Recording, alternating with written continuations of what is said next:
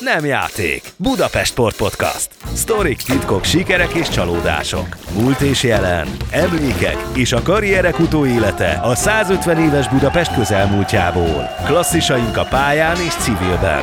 Aki mindent tudni akar a város sportlegendáiról, annak nem játék. Budapest Sport Podcast. Köszöntöm a hallgatókat, ez itt Budapest főváros önkormányzatának sportpodcastja. Adásainkat megtalálják a Spotify mellett a budapestbrand.hu oldalon, valamint a Városházához tartozó Facebook oldalakon. A főváros egyesítésének az idén esedékes 150. évfordulója alkalmából olyan budapesti kötődésű sportlegendák a podcastunk szereplői, akik a versenyzői pályafutásukkal, vagy éppen azt követően beírták magukat a magyar sport történelem könyvébe. Én Bruckner Gábor vagyok, mostani vendégem pedig az úszósport egyik ikonja, olimpiai bronzérmes, háromszoros világ és háromszoros Európa-bajnok, egyszer mind a sportág első magyar világbajnoka, aki két időszakban a válogatott szövetségi kapitánya is volt. 2008-ban Fort Lauderdale-ben az úszás halhatatlanjai közé választották, a mai napig praktizáló állatorvos. Hargitai András, megtisztelő, hogy elfogadtad a meghívást közvetlenül a stúdióban. Ez inkább érzés, mint tapasztalás a részemről, minden esetre szerintem a magyar sporttörténelmet csak felületesebben ismerők rólad azt hiszik, hogy olimpiai bajnok vagy. Ha például egy kvízműsorban feltennék a kérdést, hogy Hargitai hány olimpiát nyert, akkor a többség nem azt a választ jelölné meg helyesnek, amelyik úgy szól, hogy egyet sem. Ennek nyilván az az oka, hogy a 70-es években, meg a 80-asok legelején abszolút a meghatározó egyénisége voltál az úszósportnak, kiemelkedő alakja az akkori vegyes, sőt egy időben a pillangóúszásnak. Később persze majd beszélünk a sportpályafutásod alakulásáról bővebben is, de így az elején a dolgok közepébe vágva kezdjük azzal, hogy négy-öt évtized távlatából, hogy látod, miért nincs olimpiai aranyad, miközben háromszor is ott voltál a játékokon, és a köztes időszakban megnyertél szinte minden megnyerhetőt, vagy inkább úgy kérdezem, hogy miért éppen olimpiai aranyad nincsen? Most csak röviden, mi erre a válaszod? Hát magamnak köszönhetem. Ugye három olimpiát, hogyha figyelembe veszek, akkor a Müncheni olimpián ott volt talán a legtöbb lehetőség, a legközelebb akkor álltam mert ott harmadik voltam, a másik kettő meg negyedik. Pedig még csak 16 éves voltál. Igen, ott nem hittem el, hogy nyerhetek. Tehát ott nekem én 16 éves voltam, ezek a 20 éves bácsik ott mellettem, azok olyan utolérhetetlen távolság volt, mint Geri Hall. Nem is álmodtam. Az, hogy bekerültem a döntőbe, nekem már az egy, az egy csodálatos dolog volt. Ha ott hiszek magamban, hogy meg tudom őket verni, akkor azt meg tudtam volna tenni. Az biztos. Ott volt a legnagyobb szansz. Hát mondjuk ebből utólagosan, hogyha megnézi az ember, tehát ott a, azt én nem egyszer megnéztem ezt a versenyt, hogy mennyi maradt még bennem, vagy egyáltalán, szóval, hogy más a felfogásom, több tapasztalatom van, akkor ott azt megnyertem volna. A legtöbb szansz, vagy a legnagyobb esély egyébként furcsa módon az a Montreal olimpia lett volna. A Montreal olimpia, ott voltam a legerősebb, akkor már világbajnok voltam, már euróbajnok volt, világrekorder és stb. Ott szerintem a túlságosan akartuk, ott szerintem formidézítési probléma is volt. Úgy érzem egyébként, hogy nem úgy érzem, tudom is, hogy az, az a fajta hit, ami annak idején a Szécsi Tamásban val együtt tudtunk dolgozni, az egy kicsit ott megtört ott az, az olimpia előtt, valahogy nem volt bennem már az a tűz. Ez egy furcsa dolog, és akkor utána hát jön a, a moszkvai olimpia, amire külön kihagytam egy évet az egyetemen, nagyon fölkészültem, gyakorlatilag éreztem az utolsó lehetőség, nagyon jó voltam, hihetetlen, hogy milyen edzés eredményeket úsztam, és valahogy előtte meg megbetegedtem, de hát ugye az most erre hiába hivatkozik az ember, hogy hosszú időn keresztül gyakorlatilag alig kaptam levegőt, stb. stb. De hát az is a felkészüléshez hozzátartozik. Tehát magamnak köszönhetem ezeket a dolgokat. Na hát miután ezt tisztáztuk, akkor ugorjunk egy kicsit vissza a történet legelejére, hát hogy hogy lettél úszó, vagy inkább, hogy miért éppen úszó lettél, miközben úgy tudom, hogy te kifejezetten féltél a víztől. Hát ha nem is féltem, de mondjuk nem vonzott. Én kerékpáros szerettem volna lenni, meg lovagló, tehát lovas. Miért éppen azok? Én biciklizni imádtam, azt nagyon szerettem. Tehát amikor mi lementünk a anyukámékkal a Balatonra nyaralni, akkor ők elmentek a Balaton partjára, nekem anyuka kikölcsönzött egy biciklit, és én erre le nem szálltam róla, állandóan bicikliztem. Hát a, mint a félje fiúgyermek, ugye lovas, tenkes kapitányos, hát, hát az ugye és hogy, hogy mégis miért lettem úszó? Hát ennek rendkívül egyszerű oka van. Clement Sándor volt a központi sportiskola annak, annak idején szervezője. Az osztályban is megkérdezte, hogy, hogy ki az, aki a központi sportiskola vízilabda, nem is úszó, vízilabda szakosztályban ki az, aki akar jelentkezni, és én teljesen magam is csodálkoztam, hogy föltettem a kezem, mert én egyáltalán nem, tehát úszni sem, de aztán vízilabdásra végképp nem. Tehát minden, ami labda, az nekem nagyon távol álló dolog és ezen csodálkoztam, hogy ez, hogy ez hogy is történik. most ez nem volt azért annyira egyszerű, hogy csak simán jelentkeztem, hanem ezért meg kellett küzdeni. Hát 1965-öt írunk, amikor ugyan a, a császár úszoda az nincsen messze a Szászkár utcához, ahol laktunk, de a felvételi az az, az István mezei úton volt. A, ahol ma is van a KSI. Ahol ma is van a KSI és oda át kellett villamosozni. Ez azért azért az bonyolultabb volt, mint most, különösen hát akkor ugye nem volt autónk, meg stb és a, a anyukám is dolgozott, nagymama is dolgozott, szóval, hogy, hogy nem. És akik ezt kikönyörögtem hogy nem én voltam a legjobb ott az atlétikai pályán, a magas ugrás, kislabdadobás és nem távolugrás az egész biztos, tehát én egy nagy, nagyon ügyetlen gyerek voltam, és ennek ellenére hát tovább vittek a császár hogy akkor ott, ott lesz majd az úszás felvételi, tehát a úszodai felvételi. Hát ott rögtön találkoztam Szécsi Tamással kellemetlen körülmények között, mert én előtte bementem, az uszodával néhány barátommal, és akkor rendetlenkedtünk, és aztán oda mentünk egy bácsihoz, hogy mi a központi sportiskola felvételére jöttünk, hogy hol, hol van ez itt, és akkor egy piros köpeny volt rajta, emlékszem, egy ilyen simléderes sapka. Mint ahogy később Mint ahogy is. aztán később is, és azt mondta, hogy hányra kellett jönni, mint tudom én kettőre, most mennyi az idő, hogy mit kerestek itt, elkezdett ordítani, úristen, csak nagy ehhez kerüljek. Hát ő volt a Szécsi Tamás, tehát ez egy érdekes dolog volt. Na most ott szintén ugyanolyan distelen volt a, a, miután nem tudtam úszni egyáltalán, a, az, az úszás a felvételi. Tehát, engem, tehát egyáltalán is tudtál úszni? Egyáltalán nem tudtam úszni. Semmit. Úgy semmit. jelentkeztél egy úszó szakosztályba? Vízilabda szakosztályba. Igen, igen, igen. És a legnagyobb megdöbbenésemre ugye hát bekerültem. Akik ti választottak, ott voltak olyanok, akik tudtak is úszni. Eltelt néhány hónap, ez ugye ez tavasszal volt, és akkor azt hiszem talán valahogy nyáron, két-három hónap után összehívták a vízilabda szakosztálynak a, a szüleit, szülei értekezett, hogy most Gyulán lesz edzőtábor. De oda csak a legjobbakat visszük. Úgyhogy anyukám hát ismeri az én képességeimet, mondta, akkor ez, ez jó. És aztán ő csodálkozott a legjobban, hogy a Szécsi Tamás rögtön engem mondott elsőnek, hogy hát az, de most ő annyira nem hitt ebbe az egészben, már mint az anyukám, hogy másnap levitt az uszadába, hogy most Tamás, ne arra, ugyan, ez, ez, ez a Hargitai András. És mondta az öreg, hogy én pontosan tudom, hogy ki az a Hargitai András, ő lesz Csík Ferenc utódja. És akkor, hát akkor ez egy kicsit ugye el, elcsodálkozott anyuka, Na hát így volt a dolog. Most ezt így elmondva, ez tényleg olyan, hogy hát ez véletlen, de én tudom azóta nincsenek véletlenek, tehát azért én azt gondolom, hogy a tanítvány megtalálja a mesterét, a mester megtalálja a tanítványát, csinál, mindegy, akkor is oda fogsz találni. Hogyha kell, akkor ott vagy. Na hát ez, ez, a, ez a helyzet, mert akkor még mindig még vízilabdásként nyertem, még nem tudom hány érmet, minden, és utána lett az úszó szakosztályt. Na jól értem, akkor te azért kerültél az úszó szakosztályba, mert tehetséges úszónak tartottak, és nem azért, mert tehetségtelen vízilabdásnak. Na most így, mint a Tamás Bácsihoz kerültem, mert hát ő rögtön a maga módszereivel fölmérte. Az ő elmondás, ez, ez ágában nem volt engem vízilabdásnak átadni majd, hanem ott volt jó néhány olyan gyerek, hát a Verasztótól, mint a Sós Csaba, mindezek, hogy, hogy ezek, mi, mi, már gyakorlatilag úszónak készültünk, csak egy bizonyos idő után aztán lett belőle úszó szakosztály.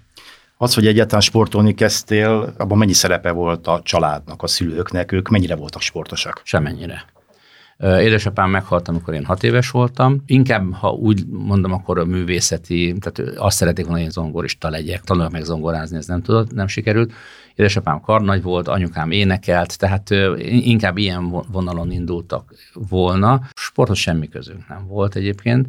És tehát szerintem biztos, hogy nincsenek véletlenek, ez egy misztikum. Szécsi látott benned fantáziát, azt most már tudjuk, de te láttál-e fantáziát az úszásban? Mennyire tetszett a dolog? Hát az úszás ugye egy monoton sport, egy kiskölyök számára, hát nem a leglevezetesebbek egyike, azt gondolná az ember. Az az érdekes, hogy tehát nagyon, nagyon különösen a mostani időben nagyon sok minden megkérdőjeleződik, vagy egyáltalán fölmerül a versenyző-edző kapcsolata kapcsán. Na most én kilenc éves voltam akkor, több más versenyzőtársammal együtt, amikor elkezdtük. És a Szécsi egy olyan szakosztály, nem csak a mi korosztályunk, tehát én 56-os vagyok, 57-es, 58-as aztán, hogy olyan szakosztályi életet teremtett, ami jó volt oda lemenni. Tavasszal kezdtem el ott úszni, semmit nem tudtam, ő vízre tett, megtanított úszni, nap mint nap jöttek a feladatok. Haza se akartunk menni, egy nyári tábor például. Hát ott reggel lementünk, az a, úgy kell kirúgni minket az uszadából. Tehát nagyon-nagyon jó volt. Akkor ő, ő megpróbált különböző módon motiválni bennünket, hogy hogy, hogy legyen egyre jobban. Egy, neki volt egy elképzelése egyébként, aki egyébként atléta volt, tehát, ez a, tehát a Szécsi els, elsőben atléta volt. Dobóedző volt. Dobóedző volt, és futókat, és a, azt hiszem, hogy Simonyi Gábor, sem tudom pontosan, de mindegy, de valaki akkor épp külföldre utat, és öregre bízta, hogy akkor ő csinálja, de már ő, ő az aerob terheléssel foglalkozott de az atlétikai pálya az neki túl nagy volt. Tehát ezt nem lehet úgy nagyon átlátni, de az uszoda az olyan, mint egy, mint egy laboratórium, ott van minden előtte. Különösen a császár, 25-ös császár, hát az egy tényleg egy kis zárt hely volt. Egyesek szerint azt mondták, hogy nem is tudott úszni. Tudott, nagyon jól tudott úszni, de semmi olyan eredménye nem volt neki. De viszont ő nagyon jól tudta a mozgást oktatni, és miután itt gyakorlatilag állóképességi sportágról van szó, tehát hogy megtanította a technikát, bújta a, a szakirodalmat, hogy melyik legyen a legjobb, gondolkodott rajta nagyon sokat. Erre mondta Székely Iván néni, hogy a Szécsi Tamás egy autodidakta zseni, tehát ő saját magát készítette föl, és megjöttek az eredmények. Na most, tehát mit tudom én, elkezdtem megtanulni, mondjuk mondom ezt, mint április-május környékén, decemberben megnyertem az első versenyt, korosztályos versenyemet. Tehát volt eredmény, volt élmény. Tehát ezek a motiválások, hogy mit tudom én, a csokoládé szintek voltak, hogy kiírt bizonyos szinteket, aki azt eléri, akkor volt ez a piros magyarós, meg nem tudom csak. Akkor, szóval, hogy, hogy ilyen módon lementünk Tatára fényes kempingbe edzőt, nem edzőtáborba, hanem egy ilyen sátortáborba. Nagyon-nagyon éreztük, hogy lementünk Gyulára. Hát ott, ott hát olyan élet volt ott, hogy, hogy nagyon. Mi akkoriban egyébként csak egyszer eztünk, nem az úszás nehézségét és a monotonitását tapasztaltuk meg, hanem azt a közösséget, ami egy, egy uszodai közösség azóta is egyébként hát mindent ugye úszodában, de bárhol máshol, amikor egy jó közösség alakul ki. Már hogy az első sikerek elég hamar megjöttek ide-haza, de hát nemzetközi szintéren is, hiszen 13 évesen már két aranyérmet nyertél az ifjúsági Európa-bajnokságon, vagy 15 évesen hat aranyat nyertél Rotterdamba az IFB-n.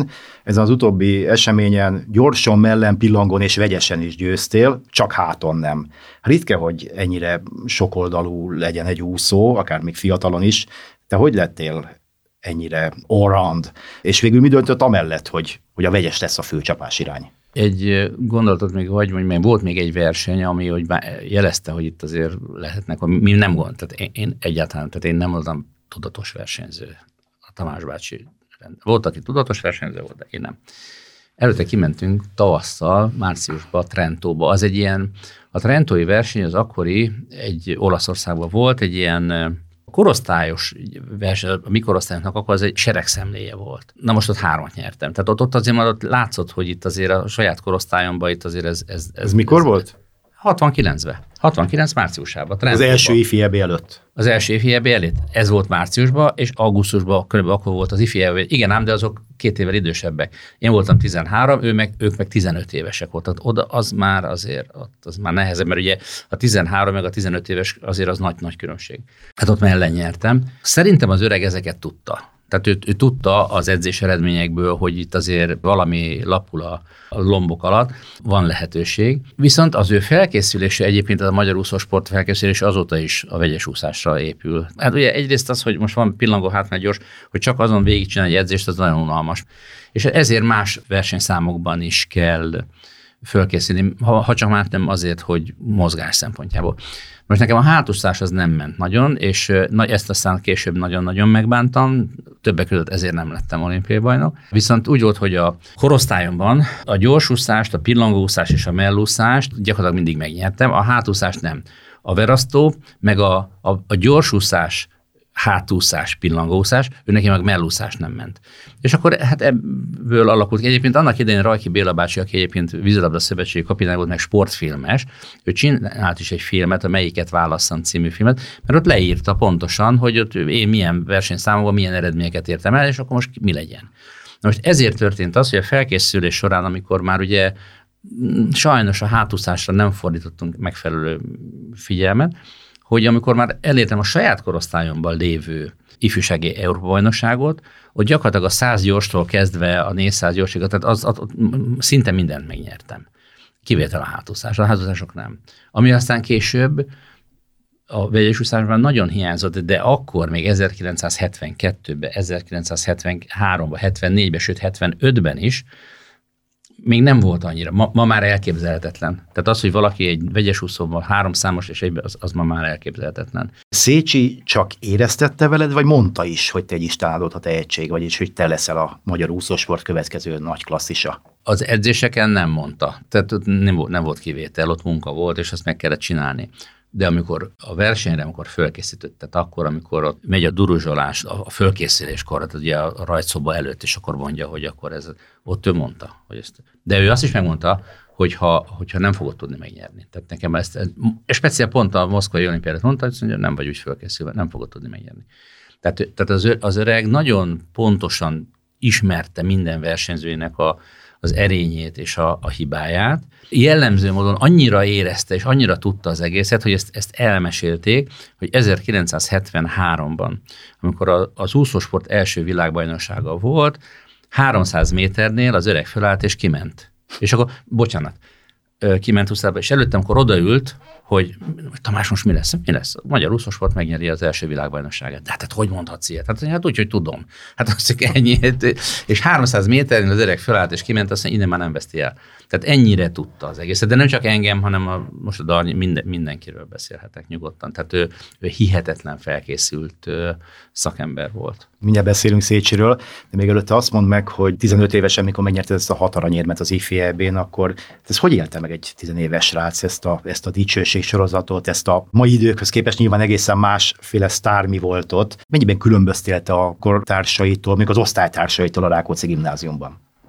Hát nagyon különböztem de egy kicsit féltek is én tőlem. Tehát én emlékszem, hogy 1970-ben, még nyolcadikos voltam, hogy akkor, amikor mindenki hosszú hajat növesztett, akkor én nekem már rövid hajam volt, ugye az úszás miatt, és pont amikor kimentünk Olaszországba, pont Trentóból hoztam magamnak egy farmer jacket. Na most azért, azért azt képzeljük el, hogy 1969-70-es évek farmer, tehát ott a rendőrök azt, azt, azt nem nézték jó szemmel, hogy egy, egy gyerek farmer jackibe, tehát azért az ott, az ott tilos volt. Vagy nem volt tilos, de nem volt, szóval megtűrt volt. Na és így mentem át az iskolába, 70 ugye akkor kezdtem el a, a Rákóczi gimnáziumot.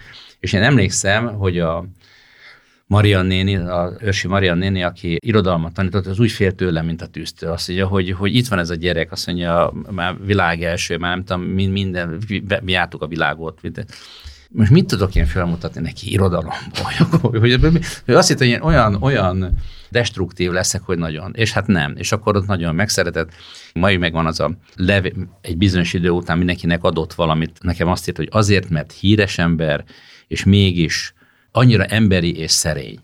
Volt egy időszak, amikor ötösével vittem haza az érmeket, és akkor becsúszott, természetesen mert tanulni nem tanultam, becsúszott egy, egy egyes, és azt mondta anyuka, hogy még egyszer lesz egy egyes, akkor befejeztem az úszását, persze, hogy bejött, persze, hogy bejött, és akkor, de én előtte igazából tanultam, de nem annyit emlékeztem, minden, de végül is vita lett belőle, és én elszaladtam otthonról. Akkor na, hát ez akkor igazságtalanság, hogy ez.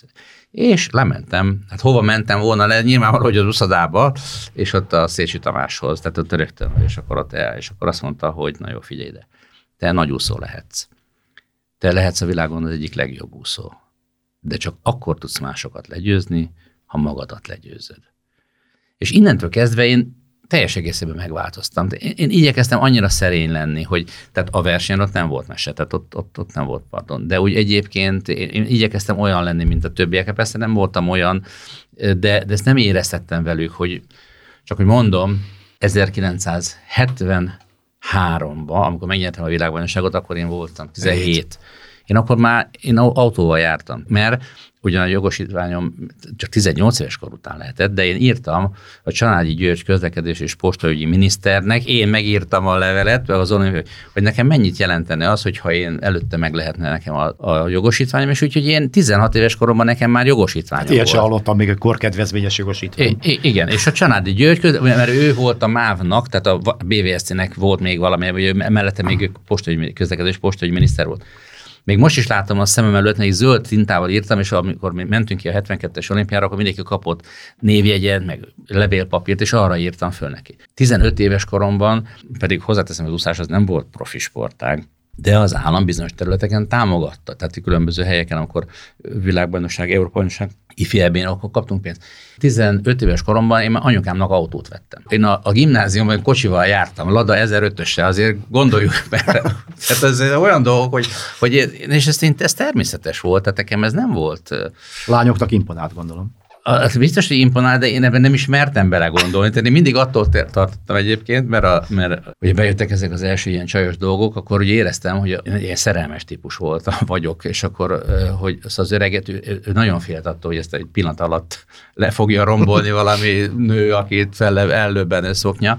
Úgyhogy, tehát én ettől nagyon féltem, hogy engem elcsábítanak, hogy elvonják a figyelmet a munkáról. Hát ebben kapcsolatban volt egyébként millió történet, de egyet hagyj csak jellemző mondom az öregnek az eszejárása. 1972 München, 16 éves, és akkor pont a, az előtte lévő ifjében ismerkedtem meg egy lányjal, egy NSK, egy német lány nagyon tetszett, Petra Strünk. Hetente két levelet írtunk egymásnak, teljesen oda volt a szerelem, stb. Egyébként ez Münchenben volt az olimpia, ő meg fönt lakott Münsterbe. És akkor én írtam neki, hogy, hogy látogasson már meg. Hát most az mi az leugrani? Hát azért az elég sok. Tehát azért az elég messze az észak és akkor hát egyszer csak odálltam az öreg elé a, az olimpián, hogy Tamás bácsi, hát hogy a Petra, ki az a Petra? Hát hogy, és akkor mondtam neki. Hát az öreg ott, ott, az ott, hogy én kimennék most akkor, hogy akkor találkoznék vele. Na jó, akkor te most befejezted itt az úszós pályafutásodat, akkor ez, és nem mehetsz, és nem mehetsz ki. Hát én akkor ott teljesen oda voltam, mert eszem állván nem jutott, hogy ez mégiscsak kimegyek, és akkor azt mondta az öreg, hogy na jó, engedményt adok. Hát, hogy ő engedményt adott, akkor az általában több dologról szólt. És akkor azt mondta, hogy jó, kimehetsz, de bemutatod nekem. És akkor kimentem, Petrához behoztam, és az öregnek egy pillanat alatt át villant az agyába, hogy a köztünk levő távolság az olyan nagy, hogy ebből úgyse lesz semmi. És akkor azt mondta, hogy jó, rendben van, akkor én ezt támogatom, ezt a kapcsolatot, sőt, ezt mondta ezt, hogy én leszek a Petra magyarországi helytartója, tehát hogy ő majd figyel arra, hogy én mással csajozást ne legyen. Mert ettől a pillanatok, hogy én egy hűséges típus vagyok, monogám, stb., hogy akkor ez, na, ezzel le is tudtuk az egészként. De hát München szóba került, és ha időrendbe folytatnánk most a beszélgetést, akkor a Müncheni olimpia következne, amikor 16 éves voltál, de annyiszor szóba került meg eddig is Szécsi Tamás, hogy, hogy muszáj most leragadnunk egy picit nála. Ugye az edzőt a KSC-ben 9 éves korottól kezdve ő volt, a későbbi úszópápa, ugye a hazai edzői szakma történetének talán legellenmondásosabb egyénisége vele kapcsolatban általában vegyesek az érzések, a szakmai tudását mindenki elismeri, és nagyra tartja, viszont a nevelési módszereit ma már többnyire elítélik. Menet hogy él a Szécsi kép? Ma már azt mondom, hogy vegyes. Sokan figyelmeztettek erre, hogy amikor azt mondtam, hogy én azért lettem Hargita András, mert Szécsi Tamás, és erre azt mondták, hogy viszont ő azért lett Szécsi Tamás, mert te Hargita András.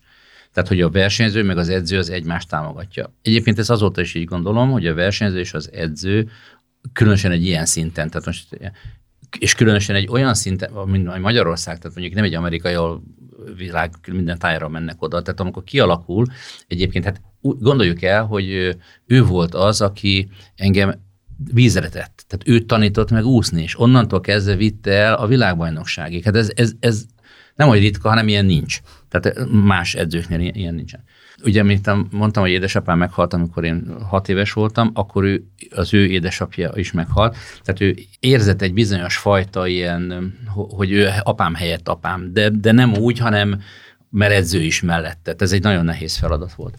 Nagyon mindezében egyszerű dolog, nekem csak meg kell csinálni azt, amit, amit ő mondott. Amit nem, hogy sokszor nem volt könnyű, hanem sose volt könnyű, de Tudok egy csomó hibát mondani, tehát amit azt mondanám, hogy ezt ma, ma már egyébként ő is azt mondaná, hogy ezt már nem csinálná, de abban az időben, hangsúlyozom a 60-as, 70-es, 80-as években, akkor ez egy teljesen elfogadott dolog volt tehát ugye én úgy érzem, hogy a, ha most itt a nevelést nézzük, az egyik oldalon azért szerintem talán nem volt ennyire szélsőséges az egyik oldal, mint ahogy itt a most, hogy a tanár, mit tudom én, megveri a diákja. Tehát az, az úszósport és egyáltalán a sport, az egy, az egy fegyelmet ki, ott hierarchia van. Tehát az edző megmondja, nincs demokrácia, beszéljünk meg az edzést. Tehát ilyen, hát abból mi lesz? Hát az, hogy akkor inkább ne edzünk. Tehát, ez, tehát ilyen nincsen, tehát ez mese.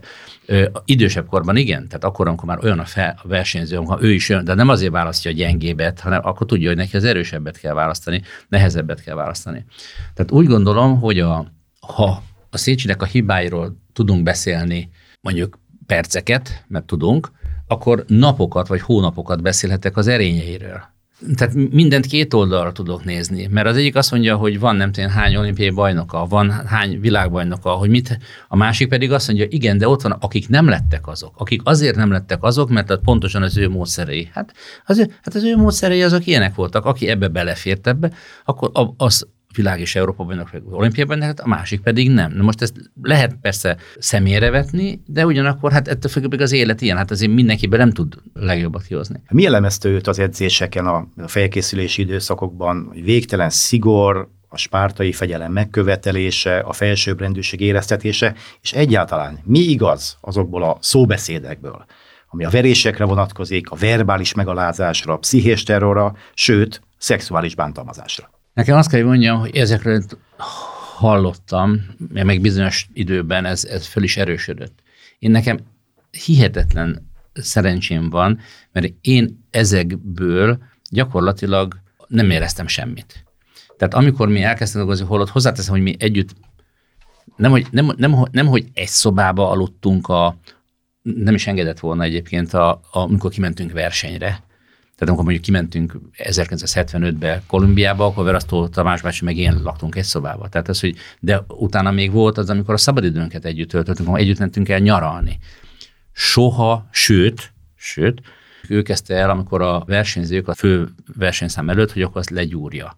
Masszírozásnak mondják, ez nem igazán masszírozás, ez egy különböző szerrel való bekenedés. Nekem a, a 99%-ot ő, ő csinálta, soha egyetlen egyszer sem éreztem azt, hogy másképp nyúlt volna hozzám, hogy eltévedt volna a keze, hogy soha egyáltalán nem. Azt elképzelhetőnek tartod, hogy ez a későbbi időszakokban viszont igaz volt? Hát mások megmondják. Tehát az, hogy, hogy igen, tehát mások nem mondják. Ezt, ezt, én, ezt, én ezt, hogy mondjam, most én miért kételkedjek ebben, miért kételkedjek, ő nyilván, hogy egy ilyen, ez nem lehet játszani, tehát hogy ez ezt mondja, ez biztos, hogy ez így volt. Pofont például kaptál tőle, vagy strandpapucsal a fenekedre? Nem. Pofont kaptam, fenekest is kaptam, tehát volt feladatok, amiket meg kellett csinálni, amiket, hogyha ha ez nem, akkor külön, annak volt jutalma, meg volt büntetése. Most volt, emlékszem, a, a pofonzás az itt, ő azt mondta, hogy embert nem szabad arcon ütni. Tehát azt, arcot azt nem, azt nem ütik. És mégis pofont kaptam tőle. Ez 1974-ben volt, amikor már világrekorddal, hányszoros Európa bajnok voltam, és mit tudom, elmentünk az ami banketra, és ott nagyon rosszul sikerült a bank, vagy mindegy, nem volt olyan, hogy mi szerettük volna, viszont én Bécset elég jól ismertem, mert ott már nagybátyám is kint lakott, stb. és meg sokszor voltunk kint, és én azt mondtam ott a, a verasztóéknak, hogy figyelj, menjünk el Bécsbe az éjszakába, és akkor, de most nem kell mire gondolni, mert a mi az, az úszók azok ilyenek, elmentünk a Práterbe, mert ott volt egy a játékpart, a Vidám Park volt, tehát ez a Bécsi éjszaka számunkra ezt jelentette, és akkor ott, itt, ott játszottunk a Vidám Parkba, és későn mentünk haza. Na most állítólag, ezt én nem tudom, mert nem voltam ott a csapat értekezeten, azt mondta az öreg, hogy volt egy ilyen, hogy mondták, hogy, hát, hogy Bécsbe éjszaka nem, mert hogy ott vérbefagyba találtak embereket, stb. És az öreg várt minket haza a banket után, én nem szóltam neki, hogy elmegyek, és csak-csak várt, várt, várt, és nem jöttünk haza. És amikor reggel, amikor átjött, és amikor megvoltunk, akkor ő azt mondta, hogy az aggodalma miatt, és hogy nem tudom, hogy hol voltunk, hogy akkor én ott nagyon nyeglén, ugye már 18 komoly ember, felnőtt ember már, sőt, még ott a Vidám Parkból ütögettem is ezeket a labdákat, és ott már komolyan tudok, szóval már volt bennem önbizalom, és akkor nagyon nyeglén válaszoltam neki ott vissza, és akkor, akkor adott két pofon. Sőt, bocsánat, ez volt ez a, ez a második pofozás volt, és volt egy másik ilyen, amikor, a, amikor kiszaladtam az uszadából, tehát volt egy olyan edzés közben, ott egy félreértés volt, mondott nekem egy feladatot, én azt hiszem, hogy azt én megcsinálom, de ő más feladatra gondolt, mint én, tehát pontosan az volt az egész, hogy forduló után ne vegyek rögtön levegőt. Én meg ezt úgy értettem, persze ezt ebből nem lehet így érteni, hogy pörgessen fel a lábam az a forgótó forduló után. Én már úgy pörgettem a lábam, hogy majd szétszakadt már a medence, és az öreg menj vissza, nem csinálni. És akkor így döntöttem, na, mert akkor is már megvolt az önbizalmam, és hogy akkor kiment, gyere vissza, gyere vissza, nem megyek vissza, és akkor ott elkapott a folyosón, és akkor ott lepofozott. Tehát ez ilyen volt. Most erre én azt mondom, hogy... Gyakran előfordult, hogy szentségéltél edzés után? Netán még kisebb kölyökként sírva mentél haza, és panaszkodtál nem, otthon? Soha. Az soha. Nem. Tehát az, hogy, hogy én sírva menjek haza, és otthon semmi. Tehát olyan nem volt. Olyan, az, az volt, tehát ez a sós mondta, császáruszada, csak mi vagyunk, 25 méteres medence, régi ósdi vacak, bent ülünk ott a brüggbe, és akkor a, a szembe 25 métertől ott jött le egy, egy lépcső, és akkor jön le az öreg. De már messzire meg lehetett érezni, mert olyan erős ilyen, nem tudom, ilyen pacsulit, vagy milyen fenét, majd jött végig az olasz, na jó, olyan ő nem volt, hogy nem lett volna ott egy edzésen. Nem, hogy nem lett volna ott, hanem sokkal korábban ott volt, és sokkal később ment el, és ő végig jött a Benence parton, és nézte, hogy mit kell csinálni. Tehát ez, és de ugye mint olyan, hogy biztos ma, ma nem jön. Na, akkor már megéreztük, hogy na jó, akkor már jön. És akkor jött le a lépcsőn, és akkor jött le, és akkor mondta a sós, hogy megint ketrezbe hozták le. Tehát, hogy, hogy olyan, hogy rettenetes edzés lesz, tehát hú, borzaszt. És hát voltak ilyenek. Tehát akkor azért hozzáteszem, hogy, hogy amikor az embernek már, tehát nagyon-nagyon-nagyon fáradt, tehát nagyon fáradt, és nagyon szinte, nekem a beleim remektek, tehát annyira elfáradtam, és akkor még ez, még és akkor tized másodpercekért nem úszta meg akkor ismétlést, tehát azért, azért az nem volt vidám. Az, hogy mennyire tisztelted őt, tiszteltétek őt, meg felnéztetek rá, az kiderül a szavaidból, de mi volt benne a szerethető? Volt-e benne valami szerethető? Az, hogy nagyon szeretett bennünket. Ő maga mesélte, hogy ő, ha valakiben meglátta a tehetséget, hogy az olyan, akkor azért, azért tüzönvéren keresztül ment. Hát a Darnyi Tamásnál, akinél a szemével volt probléma, hát ott a Buda, ugye a Buda is nem volt akkor még a sportminiszter, Schult helyszemű, vagy nem tudom, mindegy, ő volt az, az egészségügyi miniszter. miniszter. Azt mondta, hogy én nem szólok bele abba, hogy te mit csinálsz a sportban, de azt mondja, az hogy néz ki, hogy a Szécsi elintézi, hogy kimegy a Darnyi személyzeti a Bonba, nem a Heyman professzorhoz az akkor azt elintézte. Tehát ott, ott, ott nem, nem ott mindent megcsinált, érte? Ott, ott tényleg a tűzbe ment. Ő bánthatott bennünket, de azt nem engedte, hogy bárki bántson bennünket. Hát ha ma élne és, és dolgozna Szécsi Tamás, akkor ez nyilván képtelenség lenne, hogy ugyanolyan stílusban, módszerekkel edzősködjön, mint annak idején, de vajon képes lenne szerinted alkalmazkodni, és tudna -e eredményes lenni a mai korban? Ez egy nagyon érdekes kérdés. Egyébként erről ő maga is nyilatkozott, annak idején, hogy ezt ma már nem csinálná, tehát ő már, már ezt ő, tehát ő túl, túlment. Mondok egy példát. Szövetségi kapitányként azt látom, hogy Darnyi Szabó ott úszik, és én mondom neki, hogy Tamás bácsi, mitől úsznak ezek ennyit? Hát én is megcsináltam mindent, én, én is úsz. És azt mondta az öreg, azért, mert én ennyivel többet tudok. Tehát, hogy, hogy ő igen alkalmazkodott, ő, ő tudott ezekre a dolgokra a világ kihívásaira megfelelőképpen válaszolni, és a, a válaszok többnyire helyesek voltak. Biztos voltam, akkor nem, de többnyire helyesek voltak.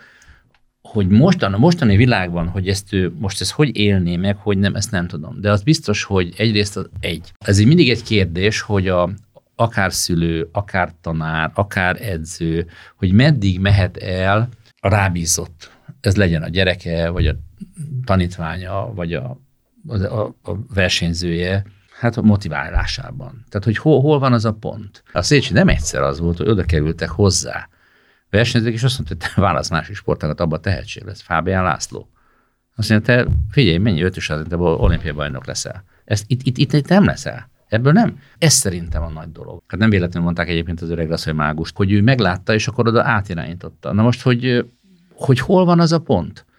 Tehát hol van az a pont, ahol amikor az e- versenyzőt még segíti az, az edzője, és megcsináltam, a másik, és akkor tudom, hogy lesz belőle valami, és akkor onnantól kezdve olimpiai bajnok, világbajnok, ami egészen másképpen emlékszik vissza, vagy pedig ez már nem lehetne. És volt egy nagyon tehetség, jellemző egyébként az öregre ez is, hogy összetörte az autóját, a, mert a biztosítóba tücsörgött, ott jött, ment egy ember, azt mondta, hogy magának van fia, igen, hozzá le, az biztos tehetséges. És most ez volt a Dajs Tamás, aki egyébként olyan tehetséges volt, hogy, hogy egy álom. Csak ő neki meg a, a munkához való hozzáállása nem volt olyan. És akkor volt egy pont, amíg érezhető, hogy de nem, nem, nem, nem lehet belőle mit kezdeni. Ott a, a tehetsége megvan, aztán eljátszott a kész. Tehát nem csak edződ volt akkoriban, hanem versenyzőtársaid is voltak. Ugye Igen. Hát három nemzetközi klasszis minimum Volt a Szécsi féle csapatban Hargitai András mellett Verasztó Zoltán és Sós Csaba, és ennek a hármasnak a nevét így együtt emlegették, vagy emlegetik azóta is, mint például a Jónyer Klampár Gergely pingpongos trióét. Mennyire voltatok ti jóban? Összejártatok-e szabadidőtökben? Vagy egyszerűen volt-e szabadidőtök? Hát nem. Szabadidőnk az gyakorlatilag szinte nem volt egyáltalán. Olyan volt, hogy mondjuk én a legszorosabban a Verasztó Zolival voltam egybe, ami azt jelentett, hogy mentünk külföldre, akkor mindig egy szobába voltunk, edzőtábor, stb. stb. Nem csak mi hárman, hanem az összes többi versenyző és ugye egy csoportban volt, mi tö- sokkal többet tudtunk egymásról, mint a saját szülei. Mondhatnánk az, hogy testvérek voltunk, de ez annál sokkal több volt. Napi 8 óra volt a, az edzés. Ebből kétszer három óra úszás, két óra torna. Most akkor itt elég sokat voltunk ezzel. Igaz az, hogy mondjuk az, tehát ott nagyon beszélgetni nem lehetett ezzel, ez nem, nem volt erre lehetőség, de együtt voltunk sokat. Edzőtáboros, stb. Tehát volt egy pont, amikor az ember ugye mindig együtt voltak. Hát persze nyilván különböző surlódások, ez a minden csapatban van, és volt egy pont, amikor már eltávolodtunk egymástól. Tehát am- amikor már gyakorlatilag abba hagytuk az úszást, akkor mindenki ment a saját helyére, itt ott, amit az ember. De hát például volt olyan, hogy hosszú évek után a Verasztóval találkoztam egy úszodába természetesen, akkor utána befejeződött az edzés, és akkor utána akkor átmentünk a Brüggbe, és akkor ott akkor utána bezárták az úszodát, akkor még mindig, és akkor még, még három vagy négy órát beszéltünk még az úszoda előtt. Tehát, hogy, hogy azért ilyen van, vagy volt. De ma, ma már ezek azért sokkal jobban eltávolodtak ebben az egész dologban. Mondhatom, hogy bennünk, vagy bennem, de bennem biztos, hogy volt, volt ilyen. Nem titok ez, egyébként ez a 2016-os, amikor másodszor lettem szövetségkapitány, és akkor ott voltak olyan dolgok, amiket azóta se tudok igazából földolgozni, nem is értem, hogy, hogy ez hogy van. Egyébként ezt leírtam ebbe a Feszített Víztükör című könyvbe, ami egyszerűen nem, nem tudok mit ezzel magyarázni. És akkor ott, ott voltak, voltak olyan pontok, amikor ott, ott megszakadt a, a, a kapcsolat. Most volt egy valamilyen úszás kapcsolatos olyan rendezvényet találkoztunk, ott beszéltünk, de úgy már nem, már ez nem az. Hát ugyanakkor egy biztos, hogy mind a hármatokból ember lett, ugye hát, te állatorvosként dolgozol a mai napig, Verasztó és Sors orvos lett, hogy ez a civil karrier így alakult, és akkor most tényleg zárjuk is a lassan Szécsi Tamással való foglalkozást, de azért ez még érdekelne, abban, hogy ez így alakult. Mennyi szerepe volt neki? Mennyire figyeltő a, az uszodán kívüli dolgaitokra? Nagyon.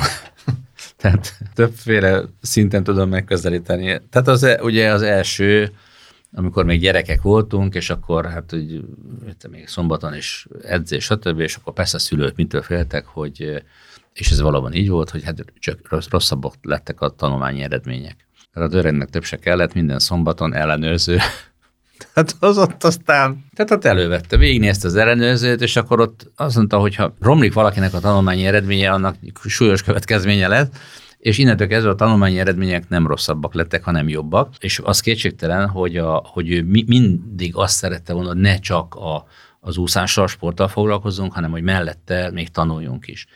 Hát ez nyilván volt egy bizonyos határa, hogy ez hogy lehetett megcsinálni, de például ő volt az, aki hát ugye rájött arra, hogy a, a szerintem a mostani, de az akkori tanulmányi rendszerben a napi 8 órás edzés, meg az iskola, meg a gimnázium, az, az nem összeférhető, és akkor ő kitalálta ezt a bizonyos magántanulást, amit aztán ezt a Rákóczi gimnáziumba magántanulóként végeztük el, a 72-es olimpiára felkészülve, akkor azt nagyon utáltuk. Úgy éreztem, hogy én az osztálytársaimmal szeretnék lenni. És hiába mondta, hogy de figyelj, de az osztály azt se fogod már tudni, kik a nevük, és te nem fogsz tudni pihenten jönni az edzésre.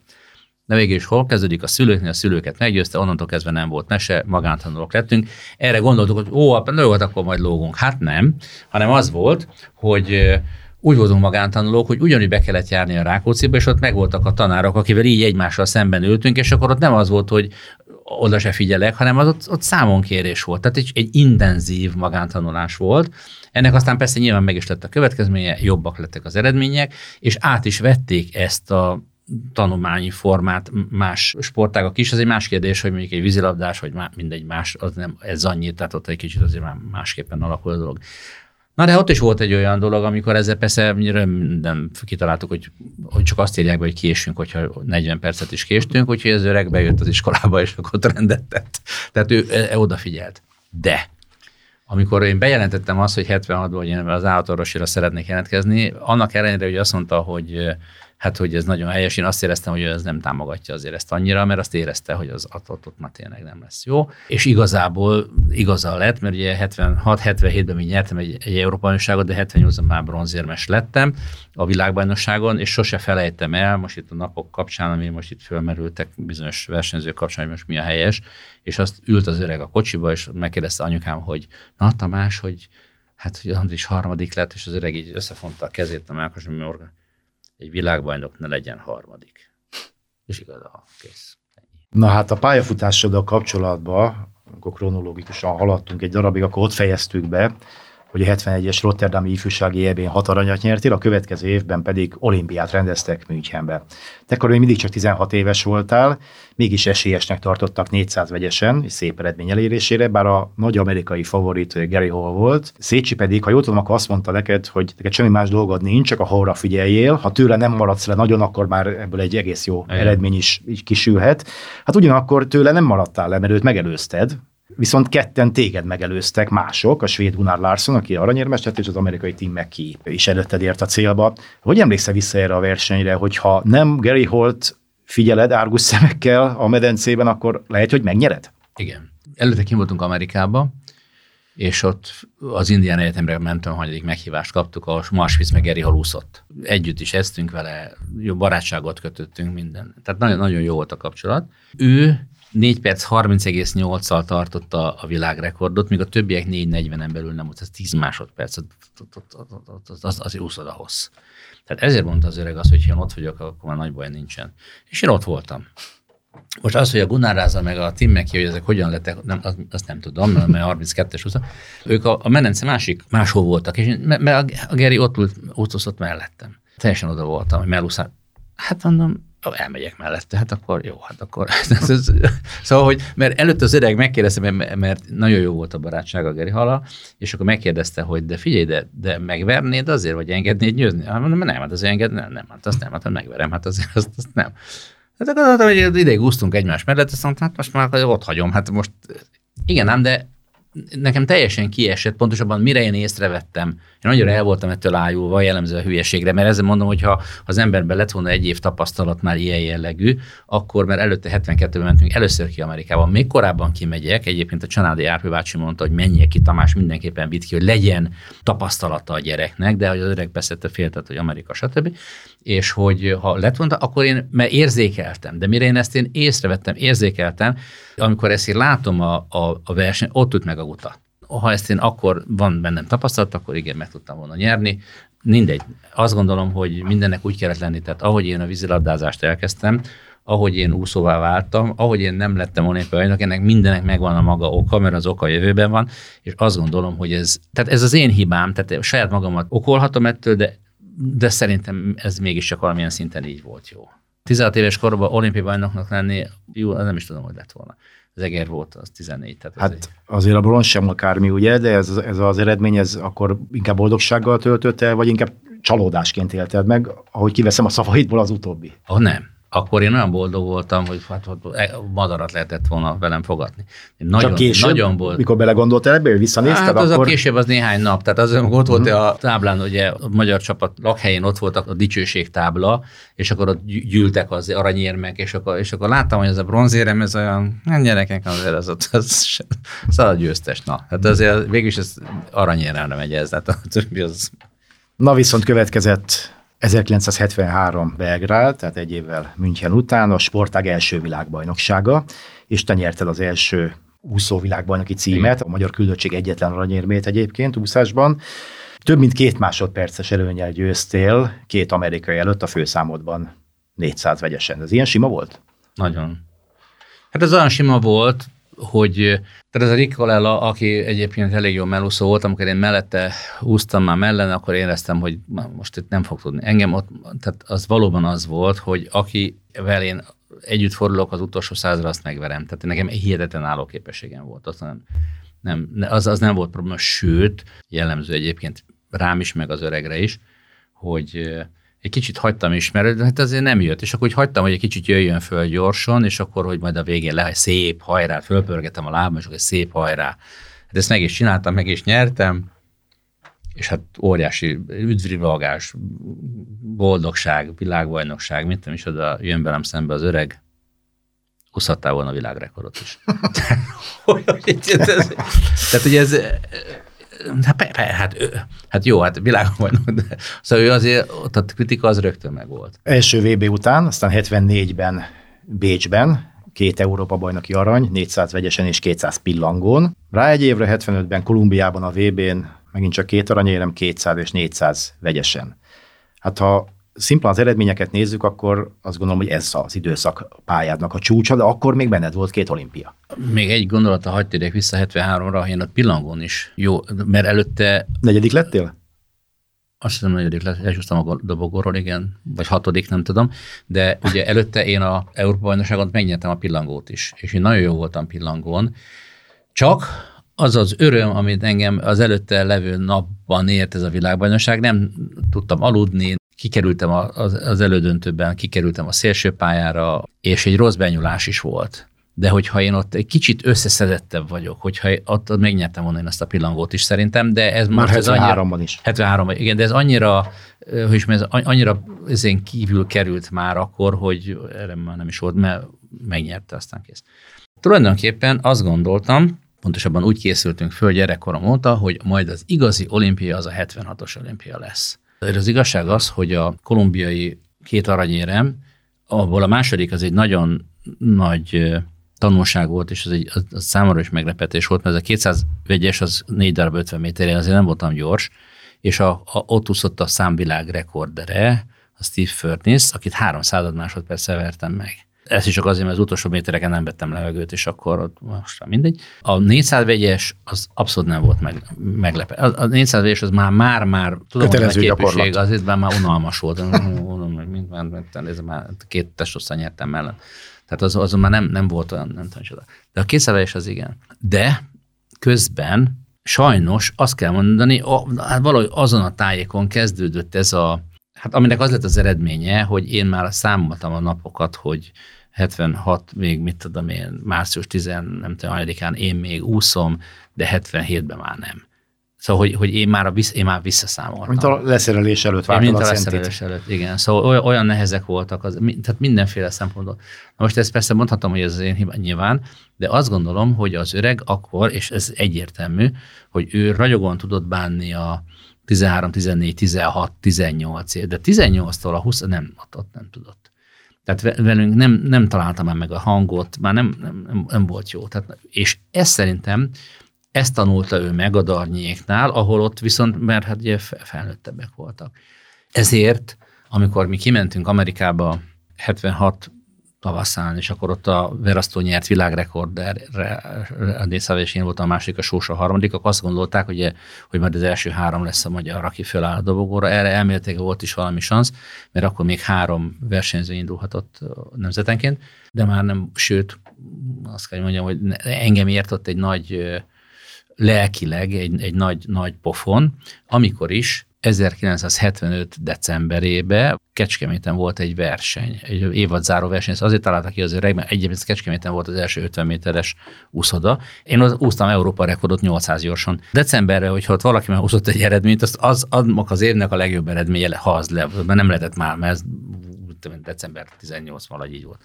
És ott a Verasztó engem megvert 400 vegyesen. Most ez engem annyira ott melbevágott. Ez nem, jó, mert ugye mi volt? Pillangón együtt úsztunk, háton ő elúszott mellen, én befogtam, azt be, gyorsan megvertem. És nem tudtam befogni mellen. Mert, hogy az beszélgetés elején mesélem, hogy én háton nem voltam, ő meg mellen. Igen, de ő elkezdett mellen rádolgozni erre. És akkor ezen, ott az emlékszem, tehát most is bennem van ez az élmény, holott előtte nem volt ellenfelem. És akkor végül is 76-ban negyedik helyen végeztél. Igen. És még volt egy 200 pillangó, interneten néztem utána, és egészen megdöbbentett, hogy 20 lettél ott. Tehát magyarul nem kerültél a középdöntőbe sem. Na most 76-ban én ugye elkezdtem az egyetemet, az állatorvosit, és gyakorlatilag két éven keresztül állandó küzdelem ment a úszó szövetséggel, mert ezek állandóan azt akarták, hogy én menjek edzőtáborra, én meg nem akartam edzőtáborra menni, nekem az állatorvos egyetem, én ott akar, én ezt meg akartam tanulni, nekem ott kellett lenni azok, hogy kedvezményeket adnak, stb. stb. Erre elment két év, és akkor azt mondom, pont, pont 78 végén, 79, hogy akkor na, ezt erre rá kell szállni. Tehát most vagy az történik, hogy ez így nem megy, és akkor leültünk az öreggel, és hogy most vagy az történik, hogy erre rászállnak két évet, de azt a két évet már nem lehetett visszahozni. Tehát ott, ott már, már beszűkült. Tehát jó, jó, jó, még a vegyesen még oda, de már pillanatban ott már nem, nem volt jó. Hm, igen, tehát az volt az utolsó lehetőség. Hát azért rá egy évre még 77-ben Jönköpingben nyertél egy Európa bajnokságot. Hát igen, de ott a 200 Így van. Igen, igen. És, és a pályafutás lezárásaként még, legalábbis a nemzetközi pályafutás lezárásaként a 80-ban, a harmadik olimpiában, Moszkvában 400 vegyesen újra negyedik helyen végeztél. Nem fogok mellé, hogy azt állítom, hogy maradhatott benned hiányérzet? Bár ugye az előbb úgy fogalmaztál, hogy mindennek oka van, és a jövőben mutatkozik majd meg, hogy mi is az azok. Elégedett vagy a pályafutásoddal összességében? Vagy több volt benne? Hát ez egy érdekes dolog, ez több szinten lehet. Az első megközelítés igen, második nem. Itt van Karintinek ez, ez a, azt hiszem egy novella, hogy találkozás egy 16 éves fiatalemberrel. Hoppá, persze. Találkozás egy fiatalemberrel. Igen, igen találkozás egy fiatal. Hát a gyerek, a fiatalkor jön magával. Igen, igen, igen. Na most ez van, hogy mi, persze, nagyon, igen, igen, és a, úszhatál ott világrekordot? Igen. Igen. És akkor rájöttem, hogy ó, hát ez, ez lehetett volna azért jobb, és akkor ott is elrontottad, és akkor ott is elrontottad, és én tudom, hogy még amott is. Na most ebből a szempontból akkor azt mondom, hogy nem vagyok elégedett. Ugyanakkor a másik részén, hát nyilván ez viszi előre valamilyen szinten azt gondolom, hogy az emberiséget, nem az, hogy én elégedett vagyok, vagy nem, hanem egyáltalán, hogy a saját maga dolgát, hogy tudja, hogy ez lehetett volna jobban is csinálni. Valószínűleg tartom egyébként, el tudom képzelni, különösen egy olyan művésznél, ahol egy előadó művész, hogy elénekli, elmondja, és akkor ott, ott, ott, ott, ott, jobbra lehetett. Mert, mert mondjuk egy, egy festőművésznél, hát az ott még javítok rajta, de hogyha már az ott, az nem, nem lehet. Na mindegy. Szóval, hogy, hogy mindig a jobbra való törekvés. Tehát az, hogy, hogy még gyorsabban, még most egy más kérdés, hogy és akkor mi van? Tehát most mi is akkor mi van? Tehát most, ez, tehát, hogy most 5 másodperc egy gyorsabban a 400 és, és akkor mi van? Tehát a, mi, Itt legfeljebb az olimpiai bajnoki cím, mint olyan. És akkor mi van? Igen, és akkor, meg, és akkor mi van? Lehet hiányérzet? Tehát, hát az igen, az lehet. Emlékszem, hogy amikor már befejeztem az úszást, amikor már, tehát már vége akkor volt egy verseny, ahol 100 gyorsat kellett úszni, és nekem nem tudom, a legjobb volt 54 vagy 55 tök, mint valami, és én ott úsztam egy perc kettőt. Tehát a kettő között azért nem sok különbség van, de de egy, egy egész világ. Az a munka, amikor reggel föl kell az ember, az az irdatlan fegyelmezettség, az a minden, hogy az teszi jobbá, hogy nem így teszem be a kezem, hanem úgy nem eddig tolok, hanem úgy addig. Szóval, na most ez az, ami előre viszi, és akkor én, mert egyébként meg mi van? Emlékszem, kint voltam már, akkor szövetségi kapitány voltam a fiataloknak, Szingapurba, ifjúsági világbajnokság, és akkor ott beszéltük, hogy gyerekek, hát most itt micsoda irgalmatlan energiák mozdulnak meg, hány világ helyzet jönnek ide, pénzek, ezért, borzasztó mindazért, hogy kiéri előbb azt a falat el. És akkor, és akkor mi van tőle? És akkor igen, hát egy világ. Tehát aki, és akkor mi van a második? Ez egy világ. Tehát ez egy, ez egy már, mindennek meg lehet kérdezni, és ahogy most elénekeltem, megfestettem, eljátszottam, és akkor mi van. De ugyanakkor szerintem ez az emberiséghez Ez maga az élet. Igen, ez az élet, ez hozzátartozik. Tehát enélkül nagyon sivár lenne szerintem. Hát ráadásul ugye a pályafutása befejezése után sem szakadtál el a sportáktól, kétszeri szövetségi kapitány voltál, először 1985-től 88-ig, Hát ugye ez az akkori bolykott miatt a magyarok részvétele nélkül zajló Los Angeles-i olimpia és a 88-as szőlői játékok közötti időszak, és nem akármilyen sikerek fűződnek hozzá, hiszen a világbajnoki címek mellett Darnyi Tamás tarolt vegyesúszásban, az új hargitai. Egérszei Krisztina 14 évesen szerzett olimpiai bajnoki címet, háton Szabó Joe mellen Szőulban ugye 200-on győzött, 100 méter mellen pedig Gütler Károly egyetlen század másodperccel maradt el az első helytől, így lett ezüstérmes, és hát teljes igénye nélkül soroltam csak néhány eredményt. Hát sikerkapitány voltál, mondjuk ki, de egyáltalán mennyi a szerepe a úszásban a kapitánynak? Hát ez mindig változik. Másfajta, más sportágakban hozzáteszem, hogy valójában, hogy ott mennyi szerepe van a kapitánynak, azt én nem tudom. Úgy érzékelem, hogy igyekeznek magukénak tudni ezeket a győzelmeket. Legyen az labdarúgás, legyen az vízilabda, legyen az bárhol. Hogy ez igaz, vagy nem igaz, ezt nem tudom. Mert igazából szerintem a munka az az egyesületekben folyik. A kapitánynak az a feladata, hogy ez összeszedjen egy csapatot, hogy aztán mennyire tartó edzés, meg hogy. Igen, csak egy mérhető sportágban azt gondolná az ember, hogy a, a szubjektivitás is nagyjából kizárható, hiszen aki gyorsabb, 100 méter gyorsan, pontosabban a két leggyorsabb ember, az lesz a válogatott, aztán Igen. meglátjuk, mit sül ki belőle. Az úszásban teljesen más, mert az úszásban ott az, ott az egyesületekben folyik a, a munka, az edzők felkészítik a versenyzőiket, a kapitánynak az a feladata, hogy segítse a munkákat. Én, én ezt így látom. Tehát én, én nem szeretném a, se alábecsülni, se túlbecsülni az én kapitány szerepemet, hogy más, az, az, az egy másik kérdés. Akkor, amikor Szécsi Tamás engem akkor arra kért, hogy segítsem az ő munkáját, én ezt megtettem, és onnantól kezdve neki ezzel nem volt problémája, és azt gondolom, hogy ha valamiben volt szerepem, akkor ez szerepem volt a Darnyi Szabónak a eredményébe. Ha valamiben volt szerepem, az, hogy a Gütler Karcsi ezüstérmes lett, az abban valóban volt szerepem, de nem a felkészítésében, hanem az volt, hogy volt egy eh, szintidő. A szintidőt azt meghatározza elnökség, stb. mindegy, előtetervező. És a Karcsi nem úszta meg. Kettő századdal, kettő századdal nem húzta meg.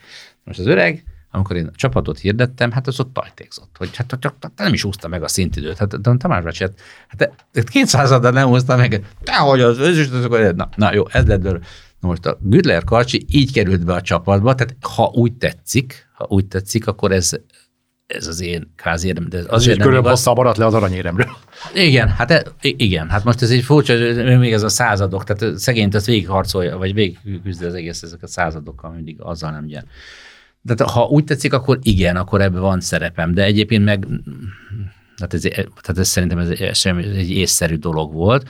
A szövetségi kapitánynak abban van szerepe, mert egyébként valóban igaz, hogy ott vannak eredmények, de attól, hogy nem ennyire egyszerű. Hogy akkor, mert az, az nagyon mechanikus lenne ez az egész dolog hanem az, hogy az egészet összeszervezze, megcsinál, stb. Most aztán, hogy ki ebből mit hoz ki, hogy mit mennyire, stb. Én úgy gondolom, hogy ezt el tudtam helyezni a magam értékrendjében, az én eh, 1985-től 88-ig tartó kapitányi szerepemet, ugyanakkor azt is el tudom helyezni, amikor 2016-ban, bocsánat, 2016-ban egyszer csak rám szakadt ez a kapitányság, ami én meg nem, ott sem akartam lenni, de ugyanis engem úgy hívtak akkor el, hogy legyek az ifjúsági. Tehát majd, majd én leszek, majd a kislaci, ahogy öregszik ki. Hát 14-től ifi kapitány voltál, Igen, és akkor igen. 16-ban Igen, kértek igen. Fel felnőtt De már a szövetségi 14 is már azért volt, tehát azért nem akartam egy... Szécsi Tamás mindenhol előjön egyébként. Tehát az, én először nem voltam Debrecenben. Volt egy Bicó Bence nevű versenyző, aki egész jó volt, ifjúsági olimpiát is nyert. Ott az Órendi Mihály volt a szakosztálynak az elnöke, és azt szerette volna, hogy neki jobb legyen már a Bencének.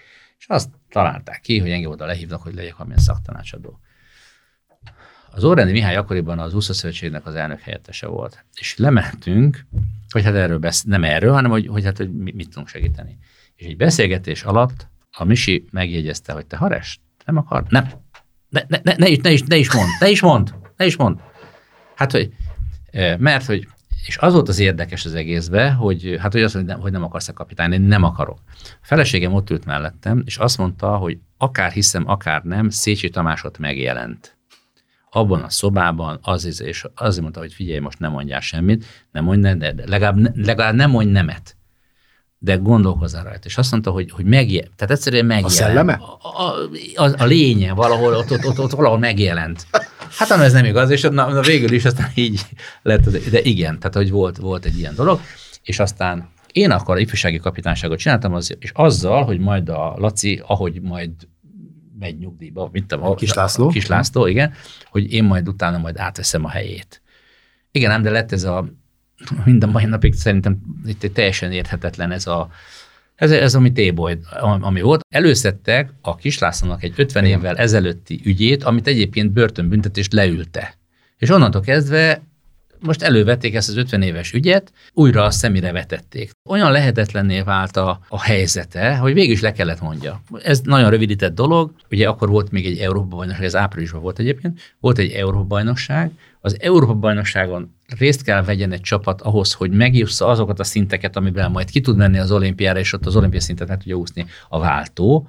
Tehát ott valamilyen módon át kellett venni a Kislászlónak a kapitányi szerepét. És mindez megspékelve hosszú Katinkával, illetve az edzőjével, Sén Tuszáppal. Igen, de akkor még ott nem voltak, vo- volt, voltak nézeteltérések, Hát olyan Katinka az időszakban tépte össze a szerződését látványosan egy sajtótájékoztató keretében. Igen, az volt, igen, ilyenek voltak, volt de holott, eset. na az már viszont az én megértésem szerint az a gyárfás ellen volt, hogy miért, miért nem, az egy másik kérdés. Minden esetre ott, ott volt a, mondjuk a, a szövetség elnöke és a szövetség kapitány és Katinkáj között volt valami egyet nem értés, csak hogy csendben megjegyzem, hogy ismétli magát a, a történelem, amikor ott a kislacitól megkérdezték, hogy tudja, hogy hol van Katika, nem, nem tudom. És most megkérdezték a mostani szövetségüket, és tudja, hogy nem tudom, hogy hol van.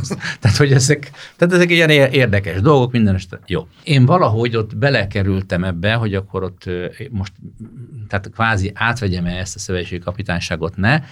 Voltak elképzelések, hogy a Vladár meg a Sós még ebbe, de ott egyeztettük, nem, nem, ők nem akarnak, stb. És így kerültem ebbe. Én szerintem akkoriban az úszósport felé olyan mértékű nyomás nehezedett, amit egyszerűen mind a mai napig ezt nem le is írtam ebbe a könyvét, nem tudok magyarázni, irreális volt. Ha ez volt, akkor miért volt az, ha az volt, akkor miért nem amaz volt, de borzasztó volt. És így mentünk ki erre a Európa bajnokságra, ott volt előtte egy országos bajnokság, és akkor onnantól kezdve én ebbe bele kvázi kényszerű. És hát ez a Rio olimpia éve. És ugye? aztán a Rio olimpia éve. Aztán nehezen viselted emlékeim szerint, hogy Tuszap és Katinka lényegében állam volt az államban, és hát a konfliktusotok is valami ilyesmiből fakadhatott. Ugye Hát az amerikai edző férjével Katinka három olimpiát nyert aztán Rióban, és összesen megszerzett kilenc világban, aki címéből is hatban részes volt Tuszap. Viszont téged egy nyilatkozatában senkinek nevezett magyar úszósorban Hargitai András senki. Neki senki. Tuszap. Neki. Ez akkor volt, amikor a, ez 2016 decemberében volt egy rövidpályás világbajnokságon, ahol előtte levő órákban lemondott Gyárfás Tamás az elnökségről, mert nincsenek véletlenek, de, mind, de ez így volt, hogy a csapat nem együtt ment ki. Azért, mert volt egy Lufthansa-nak egy sztrájkja. És innentől kezdve, tehát nem az, hogy kiment a magyar csapat, és akkor, hanem az, hogy különböző helyeken, különböző időben jutott ki a magyar csapat, és akkor ott kint találkoztunk a szállodába, én azt hiszem az utolsókkal mentem ki, és az akkor derült ki az, hogy Gyárfás Tamás lemond.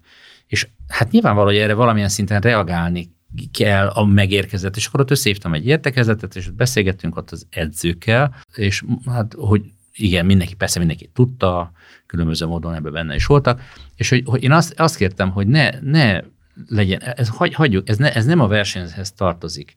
Ez egy, ez egy teljesen más dolog. Mi, mintha nem történt volna semmi, mi foglalkozunk a versenyzők, stb. stb. Itt alakult ki egy, egy, de már akkor a értekezetnek vége volt egy dialógus, aminek az egyik része az volt, hogy a, a Sén azt mondta, hogy te nekem nem vagy senki. Ő nem, úgy mondom, hogy ő nem az én az úszósportban, hogy, hogy, hogy én senki vagyok, hanem az ő számára én nem jelentek semmit se. Ami, jó, hát ez mindegy. De ettől függetlenül ez nem így jelent meg akkor, hanem úgy, hogy, hogy jelent ami, ami hát azt gondolom, hogy ez, tehát ez már túlment azon a egyébként is irracionális dolgon, amit ők egyébként ezt megelőzően években végigcsináltak, csak akkor volt mögöttük eredmény. Tehát akkor volt komoly eredmény. Én erről elég sokat tudnék mesélni, de nincs értelme. De lényeg az az, hogy én csak azt láttam, hogy én az ifjúságiakkal foglalkoztam, de bent voltam a szövetségbe, hogy minden, de még azon túl is, minden, amit a Katinka akart, mindent az ég a világon megkapott. Mennyiben El... érezted a szolidaritást a kollégák részéről, egyet az úszósport többi szereplője részéről? Már az edzőkre gondolsz? Edzőkre, versenyzőkre, azokra, akiknek szavuk van az úszósportban. Hát nézd, az egyik az az, hogy ugye az, a, az úszás is egy hierarchikus sportág, tehát aki ott leteszi az eredményt, annak van igaza. Ennek ellenére, hát ott voltak a többi edzők is, akik, ki, szóval tehát mindenkinek volt egy viszonya ehhez az egészhez képest, és ez a viszony ez nem volt jó. A Katinka ebből a szempontból szerintem másod szereplő volt, mert a legfontosabb a Sén volt. Tehát a Sén, aki megérkezett Amerikából egy vékony, szolid kis fiúként, és ott szépen elkezdett dolgozni a különböző lehetőségekkel kapott, stb. stb. Magyarországon, és egy bizonyos idő után már ő ő osztotta az eszet. Na most ez nyilvánvaló, hogy azoknak az edzőknek, akik ők egyrészt valamilyen szinten ismerték, meg jobban bele is láttak az egészet, ez fájt, vagy ez rossz volt. De ettől függően az eredmény nála volt. Itt a probléma az volt, hogy ő túl érzékeltette mindenkivel, Én emlékszem, hogy annak idején még beszélgettem is vele egyébként erről, hogy nekem ezek a dolgok ismerősek, mert a Szécsi ugyanígy kezdte a pályafutását, tehát hogy mindenki hülyén, mindenki utálta, mert hogy ilyen. Én úgy érzem, hogy ettől függ, engem ez a része nem érdekelt. És a másik, de ezt, ezt egy, én ezt én tudtam is kezelni, már a Szécsi részéről. Sőt, olyannyira, hogy amikor annak idején pont a Nagy Józsival beszéltünk erről, hogy ő mondta, hogy hát a szövetségkapitányság azt mondta, Hares, te figyelj, te vagy a legjobb szövetségkapitány, mert, mert rajtad kívül senki nem tudná elintézni azt, amit el tudsz intézni az öreggel, mert rajtad kívül senki nem tudja megoldani. Most én úgy gondolom, hogy vagyok én annyira mindegy kompromisszum képes vagy, hogy én a, a sénnel való kapcsolatomat, én ezt meg tudtam volna volna, de ő ezt, nem akarta. Azóta se. Egy, de mindegy, ez az, ő, ez az ő dolga.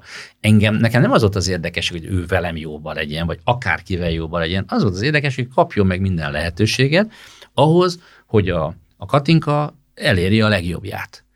Ezt meg is kapta. Most ezek után azt visszakapni a szövetségnek ebbe valamilyen szinten engem nem érintett, mert ilyen szempontból nem voltunk én, hogy mégse kapott meg semmit, miközben én látom, hogy mindent megkapott, az azt éreztem, hogy itt ez, ez, ez, ez itt egy hazugság, tehát ez, egy, ez, ez nem jó. Igen ám, de mellette ott voltak az eredmények, amik nagyon olyanok voltak, hogy az le a kalappal. Ettől azért én emlékszem arra, hogy amikor ott a már Katinka megnyentem azt hiszem a harmadik bajnokságot is a, a Rióba, hogy én oda mentem hozzá, és mondtam neki, fél Katinka, a te eredményed az teljesen egyértelmű, de az, ahogy nem te, hanem ahogy a sén viselkedik az usztában, de nem csak magyarok, ez, hanem nemzetközileg is. Tehát ott rugdosta a szemetes lá... tehát az a botrány volt, hogy az, az rád nézve, ez, ez nem helyes dolog. Tehát ez nem, így, így ez, ez, ez, nem jó dolog. Hát kérlek, hogy próbálj rá hatni, hogy mert ez ugye, ez senkinek nem jó. Történt, ami történt, tehát a furcsa az egészben az, hogy szinte elsetelt, nem tudom, még egy év, és akkor ők már széjjel mentek, és ráadásul hát ott aztán meg elkezdődött minden sárdobálás, ami már nem annyira szép dolog, de hát ez mindegy. Na hát te pedig távoztál a szövetségi kapitányi Igen. posztról. Hát most 67 éves vagy. Mi az, ami az állatorvosláson kívül azóta is kitölti az életedet. Család, sportolsz, úszol, jársz sporteseményekre, tévében nézel sportot, mit csinálsz? Én már nyugdíjas vagyok, tehát időnként bejárok a munkahelyemre, és ott dolgozom. Voltak, akik figyelmeztettek arra, hogy nehogy abba hagyjam, voltak bennem egyébként ilyen a másodszor mentem nyugdíjba, mert az első akkor volt, amikor, mikor hagyom abba az úszást, aztán most, hogy mikor hagyom abba az állatorvosságot. Tehát ez, ez egy nagyon nehéz, tehát dönt, hogy na jó, hogy most akkor hónaptól kezdve nyugdíjas leszek, azért ez nehéz dolog, de bejárok dolgozni, igen, azt szeretem. Ez is sokat változott, tehát az, az állatorvoslás is nagyon sokat, sok mindenféle változott, nem biztos, hogy mindennel egyet tudok érteni. Ez tölti ki, én a sportélettel, mint olyan, azzal már nem időnként megkeresnek ezzel, azzal, amazzal, hogy akkor ott némi erről a véleményem, ez jól esik egyébként, hogy, hogy kíváncsiak a véleményemre. Én azt tudom, hogy amikor én véleményt mondtam, akár mint szövetségi kapitány, bár én, én ezt mindig objektív módon. Nem azért, hogy nekem X versenyző, viszont verseny milyen viszonyom van, mert nem érdekes, hanem az érdekes, hogy mi a, a sportágnak, annak a versenyzőnek. Próbáltam az objektivitásra törekedni, ezért amikor gondolata visszatérve, és amikor, hogy most akkor most mi lesz, én, én továbbra is ő, hogy ő milyen ember, az egy másik kérdés. De, de egy biztos, hogy tehetséges, hiszen azért van mégiscsak három olimpiai bajnok, meg csomó világbajnoksága, ez más sportákban is tudná, vagy az úszásban is tudná, egy fiatal ember tudná. Nem könnyű, persze nem könnyű, de a lehetőséget lehetne neki adni túl azon, hogy én mit gondolok különböző megnyilvánulásairól. Mondhatnám azt, hogy élem a nyugdíjasok életét, ami ebből a szempontból részben igaz, a másik részben nem igaz, mert, mert azért el tudom foglalni magamat, de az kétségtelen, hogy sokkal-sokkal kevesebb feladatom van, mint annak idején, amikor ugyanúgy állatorvos is voltam, azt is el kellett látni, meg még szövetségkapitány voltam, na az, az egy kicsit nehéz volt. Most egy kis, van egy kis pihenő. Hát nagyon köszönöm, hogy elfogadtad a meghívásunkat, köszönöm és megosztottad velünk a gondolataidat, azt meg Végképp külön köszönöm, hogy rendkívül őszinte voltál. Kedves hallgatóink, önök Budapest Sportos podcastját hallották Hargitai Andrással és Bruckner Gáborral. Adásainkat megtalálják a Spotify mellett a budapestbrand.hu oldalon, valamint a Városházához tartozó Facebook oldalakon. Köszönöm a figyelmüket, a viszont halásra.